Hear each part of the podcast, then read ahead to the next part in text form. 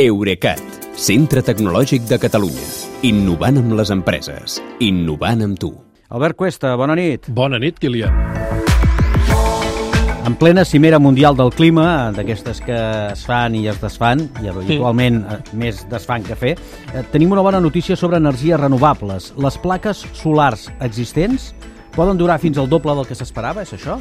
Doncs sí, perquè fins ara s'estimava que la vida útil d'una placa, fotovoltaica rondava els 25 anys, de manera que ja tocaria reciclar les de la primera onada d'instal·lacions amb tot el problema mediambiental que això representaria.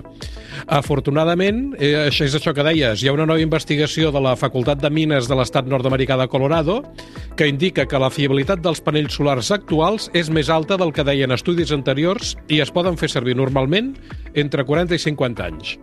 Això què passa? Doncs que desmunta els arguments de molts negacionistes de l'energia solar que fins ara diuen que instal·lar plaques no surt a compte perquè s'han de processar un cop han deixat de fer servei. Val a dir que també és cert que aquest inconvenient que diuen l'han exagerat molt perquè l'estudi anterior de referència, que és de l'any 2016, deia que només a l'any als Estats Units caldria reciclar fins a 10 milions de plaques solars l'any 2050 però el mateix país, els Estats Units, produeix 250 milions de tones anuals de residus sòlids municipals, vull dir, de brossa. Això són 25 vegades més i això sembla que no li preocupa a ningú. Eh, sigui com sigui, a partir d'ara eh, la indústria eh, ha guanyat 10 anys o més per trobar solucions que siguin millors i més barates per reciclar les plaques solars que tenim a les taulades. I en qualsevol cas, eh, lo important és que si el cost de la instal·lació fotovoltaica es pot amortitzar en un període més llarg, el model econòmic de les, de les renovables passa a ser encara més atractiu. Fins i tot, abans de saber-se aquesta notícia, les instal·lacions d'energia solar, de fet, ja s'havien disparat. Sí, i aquí ho hauríem fet abans de no haver-se introduït a un govern anterior aquell eh, malaguanyat impost al sol, que només s'explica si era per donar avantatge a les companyies elèctriques. Un cop retirat aquest impost incomprensible, eh, l'any passat es van instal·lar a l'Estat un 21% més de plaques que el 2020, i la potència instal·lada amb autoconsum encara va pujar més, es va duplicar fins a superar els 1.200 megawatts nominals. Aquest creixement de potència instal·lada a l'Estat va ser el segon d'Europa, només per darrere d'Alemanya, malgrat que aquí tenim moltes més hores del sol, com és evident.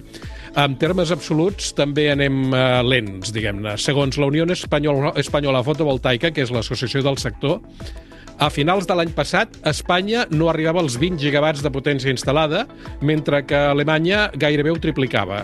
De tota manera, el líder mundial en energia solar, com en tantes altres coses, és la Xina, que amb més de 300 gigawatts instal·lats representa un terç de, de la capacitat mundial total. I si ens mirem aquí al país, Catalunya no surt gaire ben parada la distribució de plantes solars, no? Gens ni mica. Amb les dades de 2021, aquestes que dèiem, la comunitat de l'Estat que va instal·lar més potència solar va ser Extremadura amb 1.300 megawatts.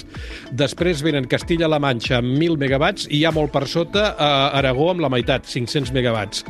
Les comunitats que van apostar menys per la solar van ser Madrid i tota la, totes les del nord peninsular que no arriben ni al megawatt cadascuna. Catalunya surt una mica, una mica, una mica millor, amb poc més d'un megawatt instal·lat, vull dir, 1.300 vegades menys que Extremadura, de manera que què passa? Que acabem comprant energia solar als veïns aragonesos. Uns altres veïns nostres, els del nord, també s'han decidit a apostar per l'energia del sol, no? Uh, sí, el Senat francès va aprovar la setmana passada l'obligació que tots els aparcaments exteriors del país que tinguin capacitat per a més de 80 places uh, hauran de cobrir-los amb panells solars abans de 5 anys. I, de fet, els que tinguin més de 400 vehicles hauran de fer-ho d'aquí a 3 anys. Amb això, França calcula generar fins a 11 gigawatts de potència i recuperar posicions amb el rànquing europeu on el país apareix eh, molt, molt avall. Ara que parlem de panells solars, eh, tu te'n vas posar a casa fa uns mesos, recordo. Ho recomanes?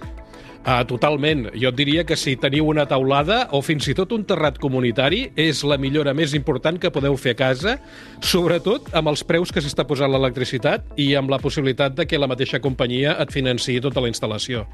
Uh, nosaltres t'he de dir que ens vam entusiasmar perquè els primers mesos ens els vam posar al maig, per tant, els primers mesos generaven més del 60% del que consumíem, però és perquè coincidirem l'estiu, que és quan hi ha més hores de sol. Tot i això, ara, eh, al mes de novembre, estem entre un 40 i un sub 50% d'autoconsum, que també està molt bé. I la veritat és que encara estarà millor quan hi afegem bateries per conservar l'excedent, que fins ara gairebé li estem regalant a la companyia elèctrica. Uh, jo, en aquest sentit, ja estava gairebé decidit a comprar unes bateries físiques, però he començat a mirar les opcions de bateries virtuals, que la veritat és que em semblen molt interessants. Vull dir que tu l'excedent d'energia li dones a la companyia i la companyia després te'l torna quan el necessites.